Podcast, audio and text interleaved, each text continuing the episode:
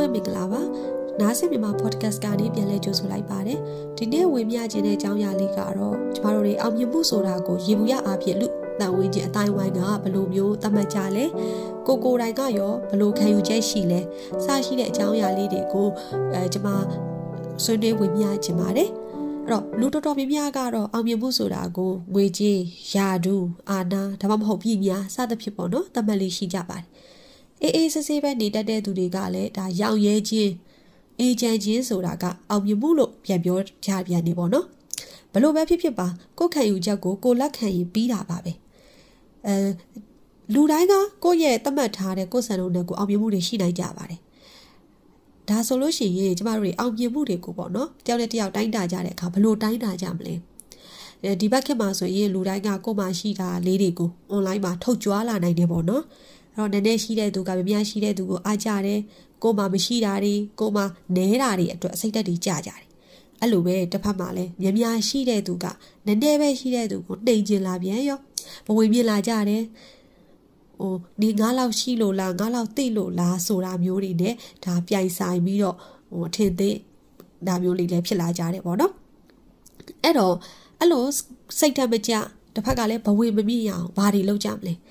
အဖေကပြောရရင်တော့ရှင်းရှင်းလေးပါသူများနဲ့မနှိုင်းရှင်နေပေါ့နော်အဲ့ဒီဖြေကအပြောလွယ်ပေမဲ့အလုပ်ကတော့ခက်ပါတယ်ဒါကြောင့်မို့လို့ကျမကနှိုင်းရှင်သုံးသက်တဲ့ပုံလေးကိုဒါပြောပြခြင်းပါတယ်ဒါကျမရဲ့ယူဆချက်လေးပေါ့နော်အဲ့တော့ရောက်နေတဲ့နေရာကိုပဲမကြည့်ပါနဲ့ကိုယ့်ရဲ့စမှတ်ကိုပြန်ကြည့်ပါကိုယ့်ရဲ့စမှတ်ကနေကိုရောက်နေတဲ့နေရာအကွာအဝေးကိုတွက်ကြည့်မယ်ဆိုလို့ရှိရင်ကိုဘလောက်ဖြတ်တန်းပြီးကိုဘလောက်အောင်မြင်ခဲ့လဲဆိုတာကိုသိပါလိမ့်မယ် ဥပမာအဖြစ်ဆိုရင်ခုနှစ်ကနေကိုဖြစ်ဖို့ဆိုရင်နှစ်ဆင့်မယ်လို့တယ်ပေါ့နော်ဂျားထဲမှာခုနှစ်ပြီးရှင်းရှင်းပြီးကိုဒါပေမဲ့တက်ကနေ9ဖြစ်ဖို့ဆိုရင်တော့တပြီး1 3 4 5ဆိုပြီးတော့အဆင့်4ဆင့်လောက်လိုသွားတယ်ပေါ့လေအဲ့တော့ရောက်နေတဲ့နေရာကိုကြည့်လို့ရှိရင်6က9ကိုအမေကနှိမ့်သေးတယ်ငါက နံပါတ်6ပေါ့နော်အဲငါကအဆင့်ဒီမှာဆိုရင်အတိုင်းတာအနေနဲ့6ရောက်နေပြီမင်းကတစ်ကနေစလာပြီမဲ့အခုချိန်ဒီ9ပဲရှိသေးတယ်လို့ပြောလို့ရတယ်ဒါပေမဲ့တကယ်တမ်းမှာရှောက်လန်းခဲ့ရတဲ့ခရီးအကွာအဝေးကိုတွားကြည့်လိုက်မယ်ဆိုလို့ရှိရင်တစ်ကနေ9ဖြစ်လာခဲ့တဲ့သူကခုနှစ်ကနေ6ဖြစ်တဲ့သူရဲ့စ조사မှုဖြတ်တန်းလာတဲ့အဆင့်ထက်နှစ်ဆပိုများနေတယ်ပေါ့နော်ဒီတော့တကယ်တမ်းမှာတစ်ကနေ9အဆင့်ကိုရောက်နေတဲ့သူကခုနှစ်ကနေ6ဖြစ်သွားတဲ့သူထက် အောင်မြင်တယ်လို့ဒါဆိုလို့ရတာပေါ့နော်ဒါပြီးဒါအပြင်ပေါ့နော်ပိုပြီးအရေးကြီးတာကတော့ကိုရောက်နေတဲ့နေရာကကိုရောက်ချင်တဲ့နေရာဖြစ်နေဖို့လိုပါတယ်ဥပမာအဖြစ်ဆိုရင်လူတိုင်းကကိုဖြစ်နေ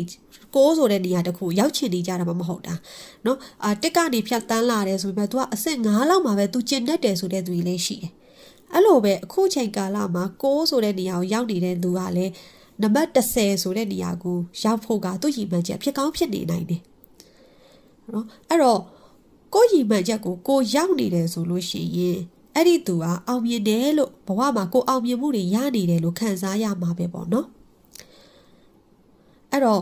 ပြောချင်တာဒီလူတိုင်းကမွေးဖွားလာကြတဲ့ဟာကိုဘဝနဲ့ကိုကိုစမှတ်တဲ့ကိုပါကိုအခက်အခဲကိုပဲသိပါတယ်ဒါကြောင့်ကိုဘဝနဲ့ကိုပဲရှင်သန်သင့်ပါတယ်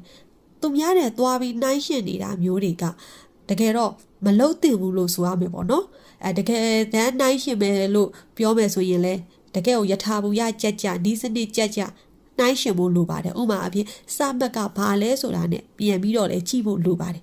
ဒါမှသာကိုကဘလောက်ကြိုးစားခဲ့လဲကိုဘလောက်စူးစမ်းနေလဲဆိုတာအမှန်ကိုပဲသိနိုင်ပါမယ်။ဒါကြောင့်ဆိုလိုချင်တာဒီရလက်ကိုပဲမကြည့်ပါနဲ့ကိုဘဝဘေးအခြေအနေဖြစ်တဲ့ ဒီဂိမ်းလို့ပဲခေါ်ခေါ်စမှတ်လို့ပဲခေါ်ခေါ်အဲ့ဒီကိုစပြိုးခဲ့တဲ့ကိုရဲ့ဘဝကိုမမေ့ဖို့လိုပါလိမ့်မယ်။ဒါဆိုရင်တော့အောင်မြင်မှုဆိုတဲ့အဲကျမရဲ့ယူဆချက်ကလေးကိုလည်း